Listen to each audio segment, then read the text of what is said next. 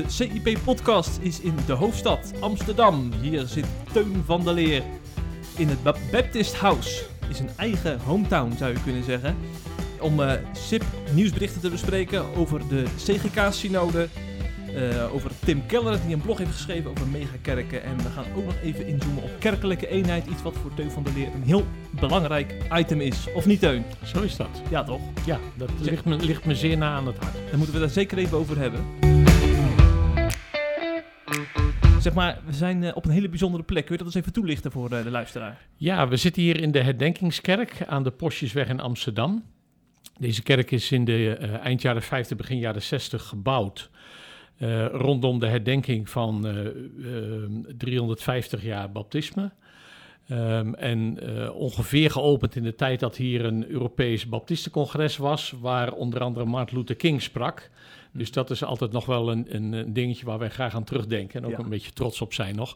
Maar het is nu een multifunctioneel gebouw waar we huizen met het Baptistenseminarium, met ons internationaal studiecentrum. Hier zijn ook de kantoren van Unie ABC. En in het weekend zijn hier verschillende kerkdiensten van eh eh, Baptistenkerken v- vanuit verschillende achtergronden. Dus ehm, er gebeurt hier van alles. Ja. ja. En dit is ook jarenlang mijn fulltime werkplek geweest. eh, toen ik rector was van het Baptistenseminarium. Tegenwoordig werk ik hier nog anderhalve dag in de week. ja. En wat doe je de rest van de week? Dan ben ik eh, voorganger van de Kamer Perusia gemeente in Woerden. Juist. Ja, ja, ja. En eh, dat is de, die gemeente waar Jan Wolsheimer toch actief was? Of niet? Ja, Jan Wolsheimer is daar jarenlang voorganger geweest. En die is mis- directeur geworden van Missie Nederland. En Ja. eh, toen hebben ze op een gegeven moment mij daar beroepen. Ja, ja, ja, ja. ja. En je, ze zijn je nog steeds niet zat? Ja, dat zou je daar moeten vragen. maar ze kennen me nog, maar, nog ah, krap twee jaar. En, en, en, en van- grotendeels van achter de camera, zoals dat dan heet. Ja. Dus eh, ze moeten volgens mij nog steeds aan me wennen. Ja, ja, ja, ja. ja. Zeg Teun, eh, mooi dat je even hebt voorgesteld gelijk. Want eh, je bent natuurlijk voor het eerst de gast hè, in de podcast. Ja, Andries Knevel komt hier voor, regelmatig voorbij. Wim Dekker. En nu ook Teun van der Leer. ja dus het Een is een indrukwekkend rijtje. Ja, een veelkleurig rijtje. hè? ja, Ja, dat ook, ja. ja, want de baptisten horen er ook bij, hè, voor de duidelijkheid. Ja. Maar ehm, eh, daar gaan we het verder niet over hebben. Nou, tenminste, misschien komt het bij eenheid nog wel te sprake. Ja. Eh, ik ben heel erg benieuwd hoe jullie daar eh, ook in staan natuurlijk. Maar laten we eerst eventjes naar onze rubriek gaan. Die, die vergeet ik bijna. De ergernis van de week.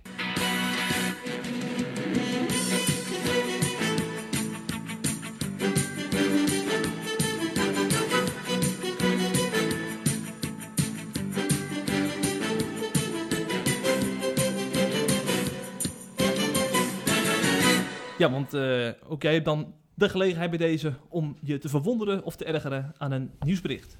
Ja. ja, ik kies voor de verwondering. Niet, niet direct in positieve zin, misschien Ja. moet ik meer zeggen verbazing. Ehm, het gaat over eh, wat er vorige week eh, zich afspeelde rond Sigrid Kaag en die hele kwestie in D66 rond ehm, dat MeToo-gebeuren. Waar ik mij dan. En, en, maar eigenlijk heeft voor mij met leiderschap te maken, of met falend leiderschap, moet ik in dit geval misschien zeggen. Ik was, in tegenstelling tot vrees ik een groot deel van de SIP-achterban, nogal enthousiast over de eh, verkiezing van Kaag als eh, eh, leider van D66. Niet dat ik me met die partij identificeer of de ideeën daarvan, maar ik dacht eindelijk iemand van buiten de politiek die het anders aan durft te vliegen en ehm, echt leiding durft te geven. Nou, dat, dat, en, nou ja, dat, dat viel in het begin al een beetje tegen rondom het beruchte 1 april debat, maar daar wil ik nu niet over hebben. Wat mij fascineerde vorige week was dat zo'n uitgesproken iemand, zeker als het gaat om eh MeToo-zaken en opkomen voor vrouwen, dat zij toch zo gefaald heeft in deze kwestie, omdat ze, denk ik, wel of niet zelf gekozen of door haar adviseurs, er toch voor gekozen heeft om de beeldvorming te laten domineren boven de inhoud. En ehm, dat is trouwens een breder politiek probleem. En dat baart mij zorgen, ergert me, maar baart me vooral zorgen, Hm. dat eh, politici deels ook bijna gedwongen worden om zich voortdurend te focussen op hoe kom ik over en hoe valt dit. Eh, waardoor de politiek niet alleen oppervlakkiger wordt, maar steeds meer op de korte termijn gericht is. Want je moet op korte termijn scoren. En waardoor we in een soort vicieuze cirkel terechtkomen. Want dat betekent dat de problemen steeds weer terugkomen. Want ze worden, het zijn lange termijn problemen, maar ze worden niet opgelost. Want de kiezer hijgt in de nek van de politicus. is ook niet per se een verwijt aan de politicus. Denk ik een verwijt aan ons als samenleving. Ehm, wij hijgen als kiezer zozeer in de nek van de, van de politici. dat zij bijna gedwongen zijn om steeds op korte termijn te scoren. en de, en de echte problemen voor zich uit te schuiven. Nou, daar was dit weer zo'n typisch voorbeeld van. Ehm, en het heeft dus ook te maken met een crisis in leiderschap. Niemand Ah. durft meer werkelijk op te staan en, le- en, en overstijgend leiding te geven. Dat wil zeggen, boven de belangen uit te gaan en echt naar het grotere geheel te kijken. Heel ironisch dan. We hebben het over een vrouw die voor nieuw leiderschap staat. Nou Dat lukt het blijkbaar dat- niet. Het lukt haar dus niet. Ja. En dat, dat vind ik eigenlijk heel triest. We, Ja. we kunnen erom lachen en ze wordt er ook voor verguisd enzovoort. Daar doe ik liever niet aan mee. En, en die, het zit ook niet alleen bij haar. Maar ik had gehoopt dat hier nu iemand kwam die dat misschien ehm, ja, wel beter zou kunnen. En ik, ik denk dat we het failliet daarvan vorige week gezien hebben. En ik denk eerlijk gezegd ook dat zij niet lang meer partijleider zal zijn. Mm, mm. Maar goed, dat, ik heb geen glazen bol, dus laat ik daar, misschien moet ik dat niet zeggen. Maar eh, ja, dat, ja, het heeft me niet geërgerd. Het heeft me eerder verdrietig gemaakt. Ja. En, ehm, en nogmaals, ik, ik zie het vooral als een breed politiek probleem... waar we voorlopig, vrees ik, ook niet uitkomen. Ik hoor je hunkeren naar een nieuwe bestuurscultuur. Ja, maar, die, maar dat is, kijk, dat noem je het, Jeffrey. Iedereen riep dat vorig jaar. En ik ben ervan overtuigd dat een aantal mensen die dat riepen... het ook echt wilden. En het lukt dus niet. Nee, nee, nee. Ja. Jammer.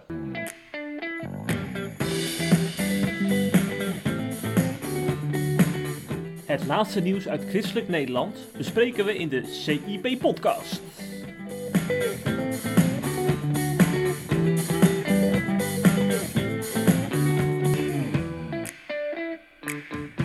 Gaan naar ons hoofdnieuws van de, van de week. Eh, en daarvoor gaan we even naar Nunspeet. Want eh, Hm. daar werd vorige week drieënhalve dag vergaderd door de mannenbroeders van de christelijk gereformeerde kerken. Ehm, dat is een, kerkverband, een veelkleurig kerkverband, eh, maar wel landelijke richtlijnen zijn. Hè? En een van die richtlijnen is bevestigd afgelopen vrijdag. Namelijk dat er geen plaats is voor, vrouwelijke ambtsdragers. Eh, daar zijn heel veel rapporten over verschenen. Daar zijn heel veel commissievergaderingen over geweest. En uiteindelijk is het besluit eh, vrijdag genomen. Er is over gestemd. Ehm, het voorstel eh, werd met eh, 32 voorstemmen aangenomen en 19 tegen. Dus er zijn ook wel heel veel mensen die wel ruimte zien voor vrouwen in het ambt. Eh, maar dat is dus nog niet de meerderheid. Eh, het is echt een heet hangijzer hè, in eh, de CGK. Al jaren, Ja, al sinds ja, jaren ja, negentig. Ja, precies. Hoe, hoe kijk je er zelf eh, te- tegenaan? eh? Ja, nou weet je, ehm, dit, dit is een eh, vraagstuk wat ook in onze kringen nog Ja. steeds wel speelt.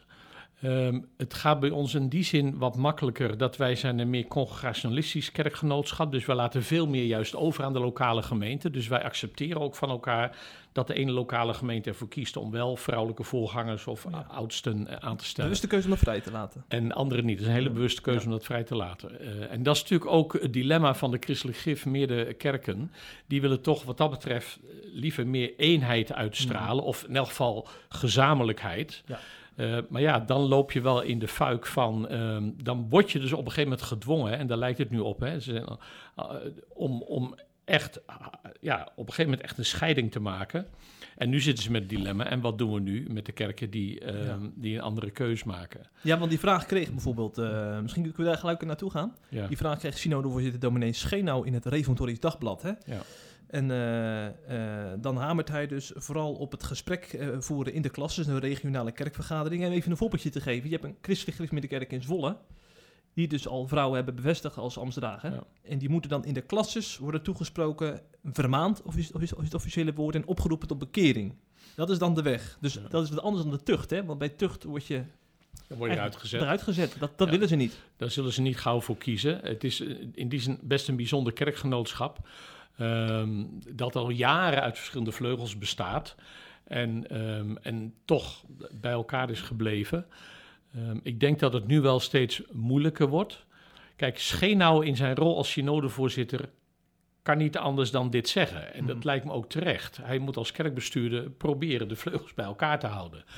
En dus ja, wat kun je dan meer zeggen? Dan laten we het gesprek met elkaar blijven voeren. Laten we elkaar in de ogen blijven kijken. Alleen je ziet wel dat de vleugels ook langzaam maar zeker steeds meer zelf op behoefte hebben om de, hun posities definitief te markeren. De bewarend panden, zal ik maar even zeggen, die vinden het gewoon volstrekt onbijbels. Die willen, die, die willen ook niet mee met deze manier van schrift uitleggen. willen dat ook zonde benoemd wordt, hè, als En- het eh, plaatsvindt. Dat, dat weet ik niet, zou, zou kunnen. Maar in elk geval zouden zij het liefst zien dat er gewoon één duidelijke lijn wordt getrokken. Terwijl de voorstanders steeds moeilijker vinden om het nog te verdedigen, ook naar hun vrouwen toe ehm, en naar de kerkelijke praktijk toe. Dus in die zin, denk ik, hangt het er vanaf of men bereid is om uiteindelijk toch deze kwestie eh, deels vrij te laten voor de plaatselijke gemeente. Ja. Maar dat zal men denk ik in hun context heel moeilijk vinden. Maar ik denk, ik zie geen andere uitweg eigenlijk voor de christelijke kerken als ze bij elkaar willen blijven. Ja, ja, ja. Want het moeilijke aan die uitweg is namelijk dat dan de, de, de conservatieve mannenbroeders, die zullen dat als gedoogpraktijk ervaren. En dat is voor hen dan een principiële grens eh, die Ja. ze niet willen. Dus het Toelaten. probleem is dat Ja. je hier met twee principiële grenzen ja. te maken hebt die elkaar uitsluiten. Precies. Ja. Dus ehm, ja, dan kun je dus als synodevoorzitter eh hooguit zeggen, laten we het gesprek blijven voeren. Ehm,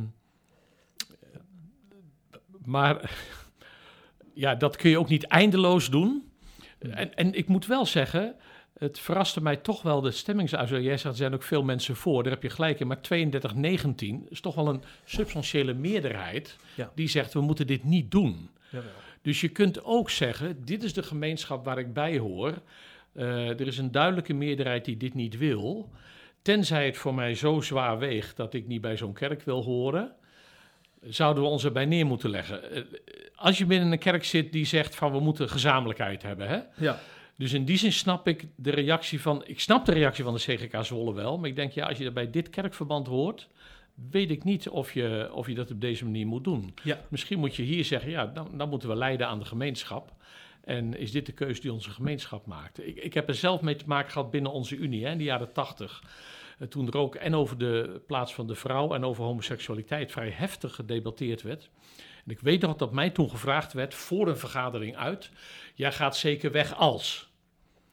Ik weet dat ik stom verbaasd was. Dat ik zei: nee, ik ga helemaal niet weg als. Als de gemeenschap met elkaar een bepaalde richting kiest, dan, dan hoor ik bij die gemeenschappen. Dan ben ik of teleurgesteld of ik ben gelukkig. Ja. Maar het is deze gemeenschap waar de Heere God mij geroepen heeft. En hier moet ik het mee uithouden. Maar ik kan mij ook voorstellen dat er ook voor mij een moment komt dat die gemeenschap zo'n dadige keuze Mhm. maakt. Dat ik denk, dit maakt niet meer mee.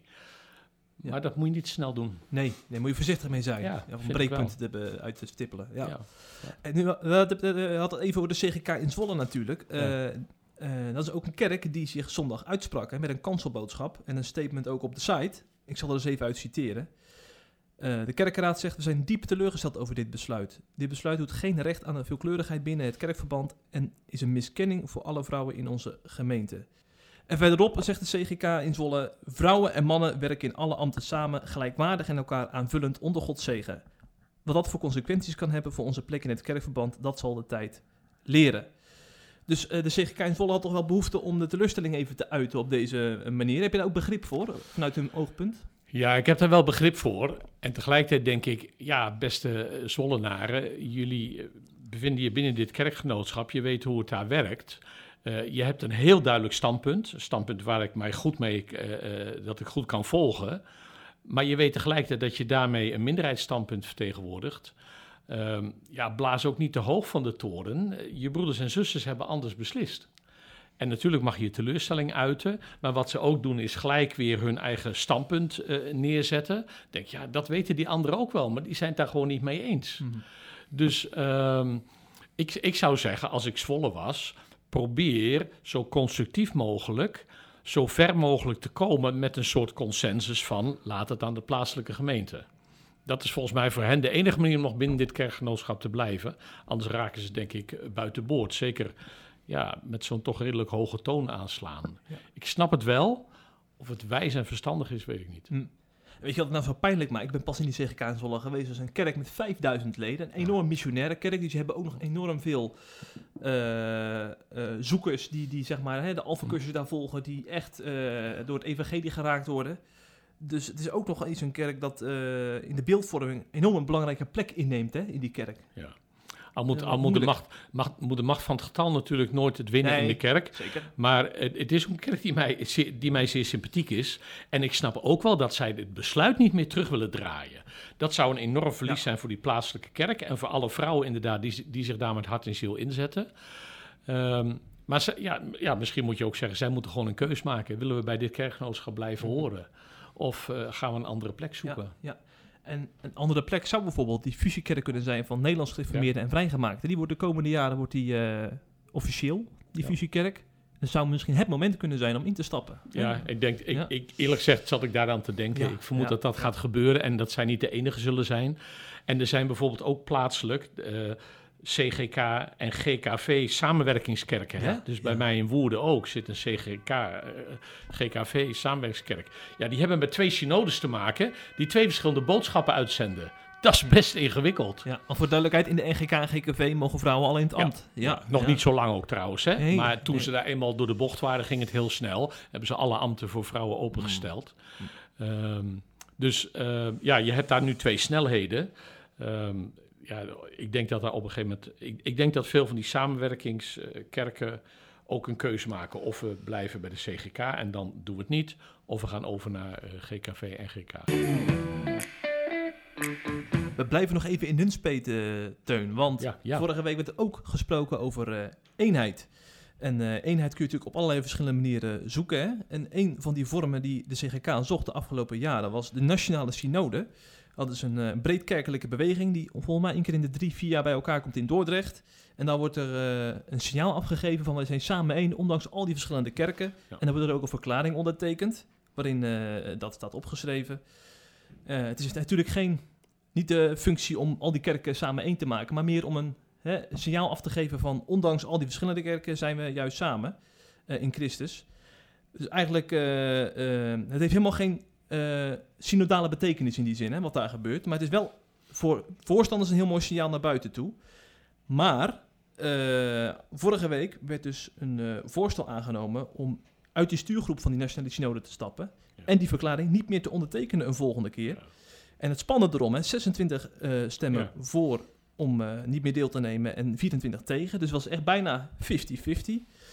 Eh, en heel veel mensen eh, maakten zich hier best wel druk over. Want volgens de tegenstanders zou de CGK zich op een eiland terugtrekken. En volgens de voorstanders hebben ze hier juist mee laten zien dat ze bijbelgetrouw zijn. En hebben ze even een Ja. principiële grens getrokken. Ik, ik, ik was eerlijk gezegd over dit, eh, dit gebeuren meer verbijsterd dan over Ja? dat van de vrouwen het ambt. Oh, die, die zag ik wel aankomen. Mm.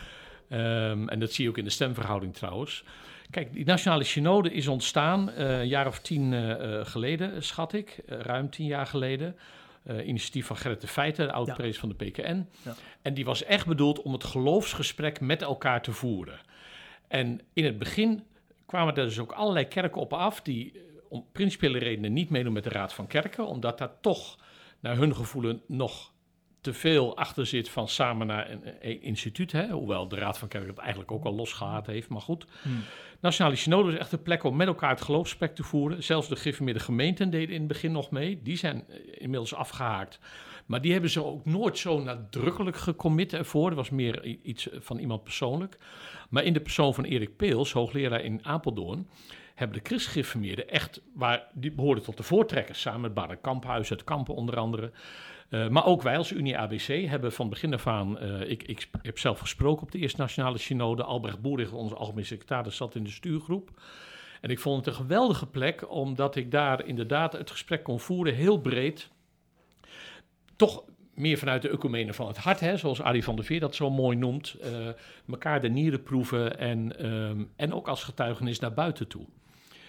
En daarmee hebben de christgereformeerde kerken, eh, die hebben lang meegedaan en die hebben ook die verklaring van verbondenheid getekend. Het is niet zo dat elke nationale synode eindigt met een verklaring. Oh, dat Nee, de laatste keer. laatste keer. Oh, ja. En dat was het, de uitkomst van dat tienjarige proces. Ja, van, ja. Nu hebben, zijn we het een aantal keren aan geproefd. Nu besluiten we met elkaar om verbonden te blijven. En dan weer verder samen te gaan zoeken. En op dat moment dan afhaken, denk ik, ja, dat, ik was echt eh, verbijsterd en teleurgesteld, ja. Maar dan zou ik denken, zou er, zou er in die verklaring dan toch te vergaande dingen zijn gezegd dan? Als je de jaren ervoor er geen problemen mee had. Ja, dat is moeilijk gissen natuurlijk. Ja, misschien hebben ze, ja, of niet goed opgelet, of hem even zijn beloop gelaten, of gedacht, gaat toch wel als een nachtkaars uit. En dat Ja. nu het concreet wordt. ehm, maar ik heb het gevoel dat het te maken heeft toch met een wat terugtrekkende beweging van de christelijke kerken. Ja, die nu een beetje in een isolement terecht. Dat is al begonnen eigenlijk met hun. De synode die op een gegeven moment weigerde om die gereformeerde theologische universiteit samen met Kampen. daar, daar begon het eigenlijk al. Hè? Want dat was ook zoiets wat al heel ver voor elkaar was. En toen moesten alleen de synodes nog ja zeggen. Natuurlijk hebben ze ook het recht om dan nee te zeggen. Maar het was wel heel apart om dat op het laatste moment dan te doen. Dan, dan ja, dat, daar zag ik al een eerste stap van toch een soort je terugtrekken in je eigen isolement. Die kwestie van de vrouw heeft daar natuurlijk ook mee te maken. Hè, andere gereformeerde kerken gaan open en, en jij doet de deur dicht. Ja, en dit is dan een volgende stap. Uh, we stoppen zelfs het gesprek met, uh, ja. met andere kerken. Ja. Erik Pielsies was ook echt verbaasd. Ja, Erik sprak van een kerkelijke brexit. Ja, uh, dan, ja, nou, als je dat zelf zegt. En, en trouwens Arnold Huigen, ook hoogleraar Apeldoorn, die noemde het sectarisch. Um, ja. Dus die waren ook zeker heel erg teleurgesteld. Mm -hmm, mm -hmm. Ja. ja. ik heb al even dominee Buis gesproken. Dat is uh, een van de moderame uh, mannen ja. van de CGK-synode. En hij, uh, hij benadrukt wel dat er zeg maar, aan, aan het zoeken naar eenheid verder niks veranderd is. Want je kan ook, hij zegt ook, je kan natuurlijk ook bijvoorbeeld met die migrantenkkerken... kun je ook andere manieren natuurlijk gaan bedenken als eenheidscommissie... om daar vormen, eh, sa samenwerkingsvormen voor te bedenken of zo. Maar, maar nou, noem, nou, noem je iemand, de migrantenkerken. Ja. Weet je hoe blij die waren met de Nationale Ja, Synode? ja. Samuel Lee heeft daar gesproken op die laatste bijeenkomst in Dordrecht. Die dus ook zei, dit is voor het eerst dat wij gewoon op zo'n breed podium een stem krijgen. Mhm. Serieus worden genomen, als mede broeders en zusters worden gezien.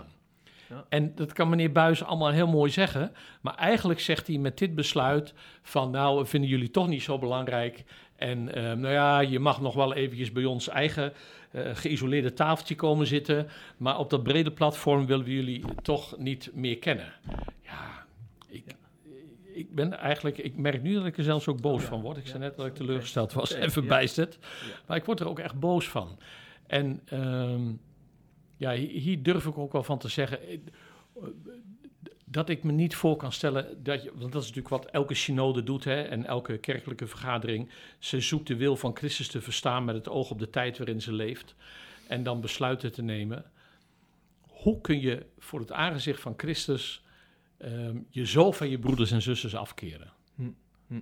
Ik begrijp het echt niet. Nou ja, volgens, eh, als ik die synode goed beluisterde, volgens de eh, mensen die juist voor die eenheid eh, zijn eh, op die na- nationale synode, gaat het ook om angst dat erachter gepaard gaat. Angst voor, om je te verbinden met mensen die anders, anders denken.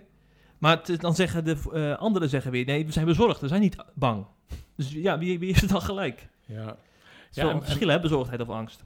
Ja, ja d- d- dat, dat is een orde van buiten. Ja. Ik kan, ik kan Ja. het ook niet beoordelen. Ik, ik geloof ook in hun oprechte bezorgdheid. En dat daar misschien angst achter zit, dat weet ik niet. Ehm, maar dan denk ik, als je zorgen hebt dat anderen misschien bijvoorbeeld het evangelie te breed uitleggen of eh, nou, de, dingen niet goed verstaan, blijf dan juist het gesprek voeren. Ik bedoel, nogmaals, de Nationale Synode was een podium om met elkaar in gesprek te zijn, om elkaar, naar elkaar te luisteren, maar elkaar ook dingen te zeggen. En ehm, denk je nu echt dat die mensen waar jij zorgen over hebt, die bepaalde geluiden hebben die jij niet bijbels acht, dat die nu bijbelse worden door besluit wat jij nu genomen hebt? Het, het mooie vond ik nogmaals aan de Nationale Synode, die legde heel erg nadruk op het geloofsgesprek. Die allereerste Nationale Synode waar ik gesproken heb, die, er was een ochtendbijeenkomst Ja. en daarna gingen we naar een grote middelbare school, gingen we in allerlei klaslokalen, Oh. in gemengde groepen met elkaar praten. Heel simpel, waren twee vragen. De eerste herinner ik me nog, hoe ben je tot geloof gekomen? En, en er was nog een vraag. Maar, wij, in mijn groep, waar ik in toen zat, zijn we helemaal niet aan die tweede vraag toegekomen. Daarom ben ik hem misschien vergeten. Want het was fantastisch om al die verschillende verhalen te horen over hoe mensen Christus hadden leren kennen. Zo. En, eh, en toen hebben we ook nog met elkaar gebeden. Uit de heel, de- er zaten katholieken bij, remonstranten, evangelische. Ehm, en ik denk altijd, mensen met wie je in gesprek bent, die je in de ogen kijkt, en zeker mensen met wie je bidt, die kunnen je tegenstander niet blijven. Hm. En nogmaals, dan hoeft het geen koekoek één zang te worden, maar ehm, eh, dan ontmoet je Christus in die ander. Ook de Christus, eh, dat deel van de Christus wat jij nog niet ontdekt had. Eh, want, want ik denk dat niemand dat beweert, ook christelijk gereformeerden niet. Denk nou niet dat het lichaam van Christus alleen bestaat uit jouw kerkgenootschap. Het lichaam van Christus is gebroken, dat is erg genoeg. Maar dat betekent wel dat overal iets van Christus op ligt. En ik wil Christus leren kennen in al zijn volheid. Samen met alle heiligen, zegt Efeze 3. Ehm, ja, dus ik wil ook de heiligen uit de christelijk gereformeerde kerken daarbij hebben. Ja, ja, ja, ja. Ik mis ze ook aan tafel. Maar jij, jij bent onderdeel van de baptisten, hè? Hoe, Hebben die eigenlijk nou ook eh, in de loop der jaren stapjes gemaakt als het gaat om uh, de luiken openzetten en uh, leren van andere kerken? Ja, nou ja, wij zijn natuurlijk zelf ook met zo'n proces als de GKV en de NGK bezig door als Unie en ABC één kerkgenootschap te worden. We hopen dat per 1 januari 2023 te kunnen realiseren. Um, ik, ik, weet nog dat wij een keer op, op een, een, een dag Stefan Paas als, als spreker hadden uitgenodigd. En die had wel een e-, erg leuke anekdote over um, kakkerlakken. Ah. Dus Stefan Paas had toen een mooi voorbeeld over kakkerlakken. Hij zegt, ja, het schijnt, ik heb pas iets geleerd over kakkerlakken. Um, het, het verschillen tussen mannetjes en vrouwtjes, dat, uh, dat wij dat absoluut niet kunnen waarnemen. Uh, dus uh, dat is voor ons het één pot nat. Hij zegt, dat is voor mij ook zo'n beetje vandaag. Ik ben hier onder baptisten. Het schijnt twee verschillende soorten, maar ik zie absoluut het verschil niet. Hij zegt maar, eh, dus je kan net doen alsof het er niet is, maar voor die beesten is het essentieel dat er verschil is. Ja, ja. Hij zegt, en, en dat is ook vaak zo, je kunt nog zo elkaar nastaan, maar um, het verschil is vaak essentieel. Dus daarmee legt hij ook even dilemma op tafel. Je kan zeggen, nou, baptisten en baptisten, hoe bijzonder is het dat die één worden? Maar uh, wij, wij zien de verschillen. Ja. Maar die hebben we inmiddels overwonnen in een proces van tien jaar. En hetzelfde geldt voor GKV en NGK. Uh, van buitenaf denk je misschien, nou, het is allemaal één pot nat, maar er was wel degelijk verschil en ze hebben elkaar gevonden. Um, en, en, parallel aan dat proces zijn wij mee gaan doen van harte aan die nationale synode. Hebben ook de verklaring van verbondenheid getekend. Wat voor ons ook best een spannende was, hè? ook als het gaat om ambt en sacramenten. Hè? Bij ons speelt dan de doop altijd een rol. Oh, ja. Dat in die verklaring dat allemaal glad gestreken is, maar we willen elkaar daar wel in respecteren. Uh, ik, heb zelf, ik ben zelf vorig jaar gepromoveerd op een proefschrift over uh, de Believers Church Tradition, waar ik ook in het laatste hoofdstuk probeer bruggen te slaan rondom de doop. Uh, nou, dat is spannend genoeg, maar dan probeer je, ik zou bijna zeggen, je zo ver mogelijk uit te strekken naar je broeder aan de overkant om zijn hand te kunnen reiken. Of het lukt, moeten we zien. En, maar ja, ik denk dat wel onze opdracht is en zeker in deze samenleving, waar we door de secularisatie een steeds kleinere stem worden, uh, om te zoeken naar een zo gezamenlijk mogelijke stem waarin we het evangelie van Jezus Christus laten klinken. Hmm, hmm. Ja, ja. En ik kom nog, ook nog steeds in evangelisatie, in contacten met buitenkerkelijke, te veel het argument tegen, ja, maar in welke kerk moet ik dan en jullie zijn zo verdeeld. Oh ja, nog steeds ja? Nou, ja, en, dat dan, is wel triest, hè? en dan vertel ik soms het verhaal van de Nationale Synode, zeg ik ja... En dat zijn we verdeeld. Ik zeg maar, kijk naar de samenleving. Die zitten ook allemaal in groepjes. In de kerk, A, in mijn lokale kerk zit ik nog altijd met een enorm divers gezelschap. En B, uh, die verschillende kerken proberen wel degelijk het gesprek met elkaar te voeren. En daarin denk ik dat we nog steeds een voorbeeld zijn voor de samenleving. Hm. Want er zijn in de samenleving ook heel veel groepen die al helemaal niet meer met elkaar communiceren. Ja. Ja, dat vind ik wel mooi dat je dat zegt. Ja, want ik, ik heb uh, vier of vijf jaar heb ik in een kerk in Utrecht gezeten, in zo'n migrantenwijk. En we kwamen naar die kerk, kwamen hoogopgeleide, laagopgeleide uh, juppen, uh, gewone gezinnetjes. Ja. En, dan, en dan zie je naar die, zit je naar die huiskringen te kijken, zie je ze met elkaar eten en denk je van dit is eigenlijk toch wonderlijk dat dat met elkaar samen kan. Hè? De kerk is echt uniek. Wat ja, toch? Ja, ja, ja. ja, ja. Dus, dat, dus onderschat niet hoe belangrijk dit is, hè, waar we het over hebben. Nee. Zeg, laten we naar ons laatste item gaan, uh, Teun. Is goed. Uh, dan gaan we voor, daarvoor gaan we naar de andere kant van de oceaan. Daar woont nog altijd Tim Keller. Wie kent hem niet? Uh, een inspirator voor velen vanwege zijn boeken en ook zijn visie op kerk zijn. Uh, hij heeft onlangs een blog geschreven op zijn Facebookpagina over de schaduwzijde van het fenomeen uh, megakerk. Want die heeft hij van binnenuit ook uh, gezien, die schaduwzijde. die blog heb jij bekeken? Ja. Wat, wat viel je daaraan op? Nou ja, het viel me daaraan op. Um, ik vond er niet zoveel bijzonders in staan. Het, het, nou, wat me opviel is dat Tim Keller zich ineens in die discussie mengt. Want het is denk ik toch een aanleiding van een aantal dingen die bij Megakerken mis zijn gegaan. Hè, zoals Hillsong. Ehm ik vroeg mij wel af, eh, want, maar zo kwam het ook in de pers, maar eigenlijk schrijft hij dat ook wel, van hè, nou, megakerk is eigenlijk niet goed, uh, moeten we daar wel mee doorgaan?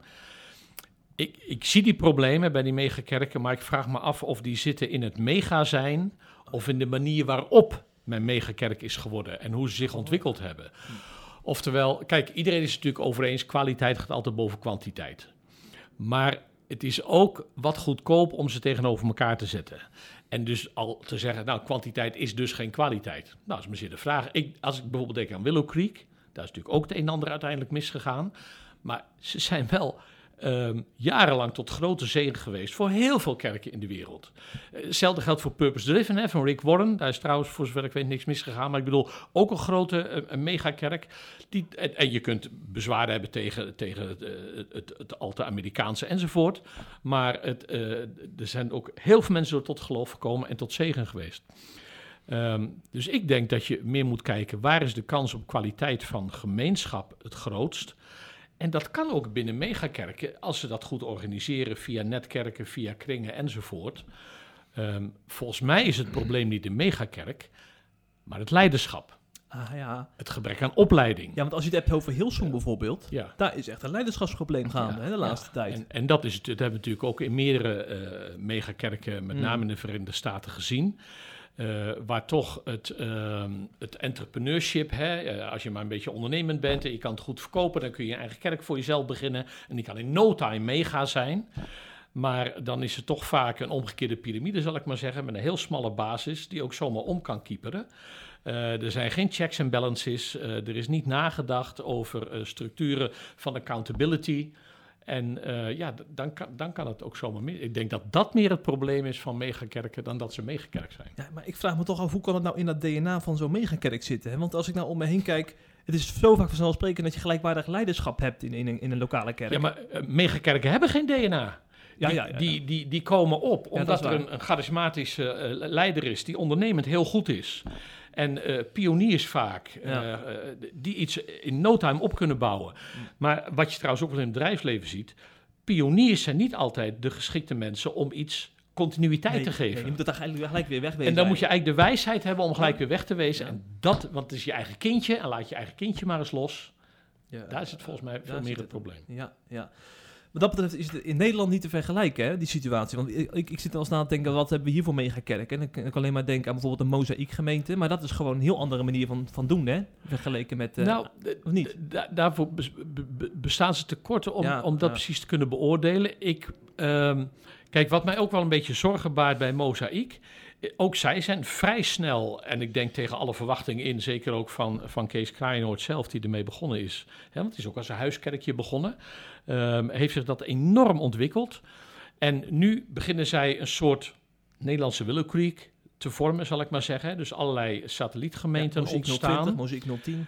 Maar het, het, het, blijft wel in een soort eigen isolement. Ja, ik noem het toch maar isolement zitten. Ze sluiten zich niet aan bij een landelijk verband. En dat zou wel mijn advies ook aan, aan hen zijn. Zoek naar een plek waar je ook naar buiten toe verantwoording af moet leggen. Ik geloof wel dat zij erover nagedacht hebben en ook naar binnen toe verantwoording uh, uh, uh, systemen hebben. Dat hoop ik maar vooral. Maar um, ja, en net als de doorbrekers, dat is natuurlijk ook een megakerk. Oh ja, dat is ook zo'n kerk, ja. ja, ja. Um, ik denk dat de, het afbreukrisico wel groter is als je op jezelf blijft. Ja, ja maar dat vind ik altijd zo'n zo'n fenomeen bij, bij uh, in, in een charismatisch evangelische hoek. Daar is het dus heel, helemaal niet vanzelfsprekend om je bij uh, iets overkoepelends aan te sluiten. Terwijl de gereformeerden die zijn niet anders gewend, weet ja. je wel? Ja. Dat is wel ja. typisch, is dat, is dat. Ja, nou dat hangt natuurlijk een beetje samen met het charismatische. Ja. Hè? De geest uh, gaat boven de structuur, dus uh, zoals de geest het leidt, zo doen we het. Maar uh, ja, je hebt het, ja, ja, er zijn zoveel voorbeelden van dat het of weer tot scheuringen ja. leidt. Hè. Je hebt dat bij Jan Zijlstra gezien. En toen, uh, nu heb je dan die God Centers op verschillende plekken. Oh ja. Die ook wel weer verbonden zijn. Er is ook een in Utrecht nu, geloof ik. Um, maar voor zover ik weet zijn die bijvoorbeeld ook niet bij de VPE aangesloten. Hm. Oh ja. Dus mijn oproep zou aan dat soort kerken echt zijn: eh, sluit je of aan bij de VPE of bij Unie ABC of zoek een ander. Maar zorg dat er een plek is waar je verantwoording aflegt. En waar ook een garantie is voor goede opleidingen en, en, en goede theologische doordenking. Ja, en wat misschien ook belangrijk, ik zie ook wel eens eh, gewoon een conflict ontstaan in een, in een evangelische of charismatische kerk. En dan weten ze, weten ze niet wat ze daarmee aan moeten. Dus toch ook het voordeel van dat je aangesloten bent bij een Ja. overkoepelende organisatie. Dat er Ja. dan mensen zijn die, die kunnen coachen en mentoren en zo. Ja. Ja. Nu, nu gaan ze dan vaak wel op zoek hè, eh, eh, naar. Soms komen ze ook bij, bij, bij mensen van ons terecht. Maar soms ook gewoon van bekende evangelische leiders van Elze. Ik weet dat Peter Vlug senior, om maar eens iemand te noemen... die natuurlijk jarenlang een, een, een prominente, mooie rol heeft gespeeld in de evangelische beweging. Die werd vaak ingevlogen als er conflicten waren in gemeenten. Dus dan probeerde men het zo op te lossen. Maar je kunt dat inderdaad ook structureel oplossen door je, door je ergens bij aan te sluiten. Ja, en jullie hebben daar gewoon eh, allemaal eh, dingen voor liggen, voor hoe je daarmee omgaat. ja, daar zijn, Ja. zijn inderdaad wel dan eh, dingen over- vastgelegd en, Ja. men- en mensen ook voor beschikbaar. Ja, daarom. Ja. Zeg nog even één ding, een opmerking van Tim Keller nog even. Hij schrijft ook... Over het algemeen zal een stad of regio meer baat hebben bij 10 kerken met 400 mensen per gemeente dan één kerk met 4000 eh, mensen. Nee, dat, dat, is- dat is een argument wat, wat, wat heel goed zou kunnen. Eh, het, kijk, het nadeel van megakerken is dat het staat ergens, vaak op het industrieterrein. Op zondagmorgen eh, en door de weekse avonden komen mensen van alle kanten erheen gereden. Maar het heeft geen impact op de omgeving. Ik weet nog dat Eduard Groen, onze docent gemeenteopbouw hier vroeger, die stelde wel eens de vraag aan studenten: stel je eens voor dat er een, trouwens dat was lang voor corona, maar dan zei hij dat er een besmettelijke ziekte uitbreekt, alleen in jouw kerk. En in één week zijn alle kerkleden zijn weg.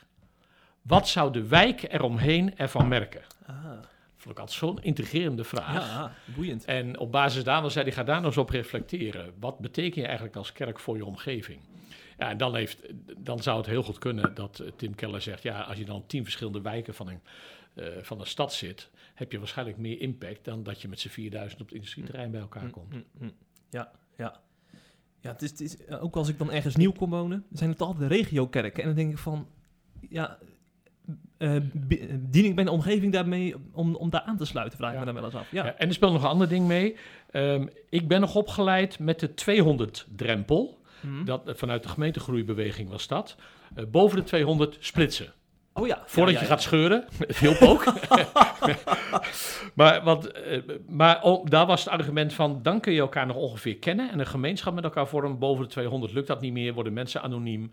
En ehm, dus ja, ik, ik, ik, ik ben zelf voorganger nu van de gemeente van ruim 400... plus nog eens 200 jongeren en kinderen. Dus ik hou me er ook niet aan.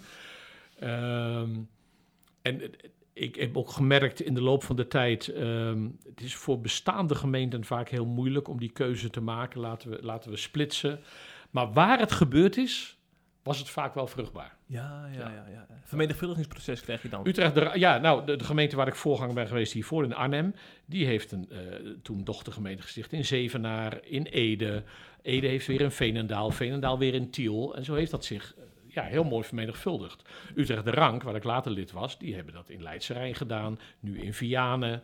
Ehm, dus ik denk wel dat daar winst kan zitten. Ja, ja. Ja. En het doet natuurlijk heel veel pijn hè, als je gaat splitsen. Ah, dat is het punt. Eh, Ja. Mensen gaan of het gebouw missen of elkaar missen. Ja, dat- je, je moet een missionair commitment wel hebben met elkaar. Mm, mm. Ja. Ja. Zeg Teun, eh, bedankt voor je bijdrage aan deze podcast. We zijn er alweer. Ja, we zijn er alweer Kijk aan. gevlogen eigenlijk. Hè? Eh, wat mij betreft gaan we het een keer overdoen met andere items weer, als je, als je dat leuk vindt. Ja, zeker. Het was, het was boeiend. Ja, absoluut. Dat kun je wel zeggen, ja. En wie weet ook misschien weer een keer een interview als er weer eens een aanleiding is daarvoor. Hè? Want dan eh, bellen je wel regelmatig. Je hebt een keer wat gezegd bijvoorbeeld over hoe belangrijk je de psalmen vindt hè? In, Ja. de, in de liturgie. Dat is een heel mooi interview geworden. En zo zijn er genoeg items om te bespreken en eh, om over geïnterviewd te worden. Dus Steun van der Leer zal je nog wel eens voorbij zien komen op CIP in de toekomst. En, nee, C vandaag in de toekomst. Hè? We gaan natuurlijk veranderen, hè? dat weet je. Hè? Of weet je dat nog niet? Iets vaag over Oké, gehoord, ja. oké. we gaan eh, waarschijnlijk over een paar maanden gaan wij C vandaag heten met een nieuwe website. C vandaag. Ja, ja, ja. Oké. Dus eh, dat wordt spannend. ik, ben, ik zie nog niet heel enthousiast kijken. Of, eh, Ik moet even verwerken, Ja, ja, eh, begrijp Jeffrey. ik. Ik ga erover nadenken. ja, ja, ja. We dachten iets meer nadruk op actualiteit. Ja. En SIP, ja, daar kon je misschien ook soms wel een beetje SIP van als je... eh, Oh, op die manier. ja, als als je je, de C voor de S ver- verwisselt. ja, Ik vergeet bijna te zeggen, eh, dat is trouwens nieuw, nieuws eh, ook voor jou, eh, Teun. We zijn genomineerd voor een podcast award.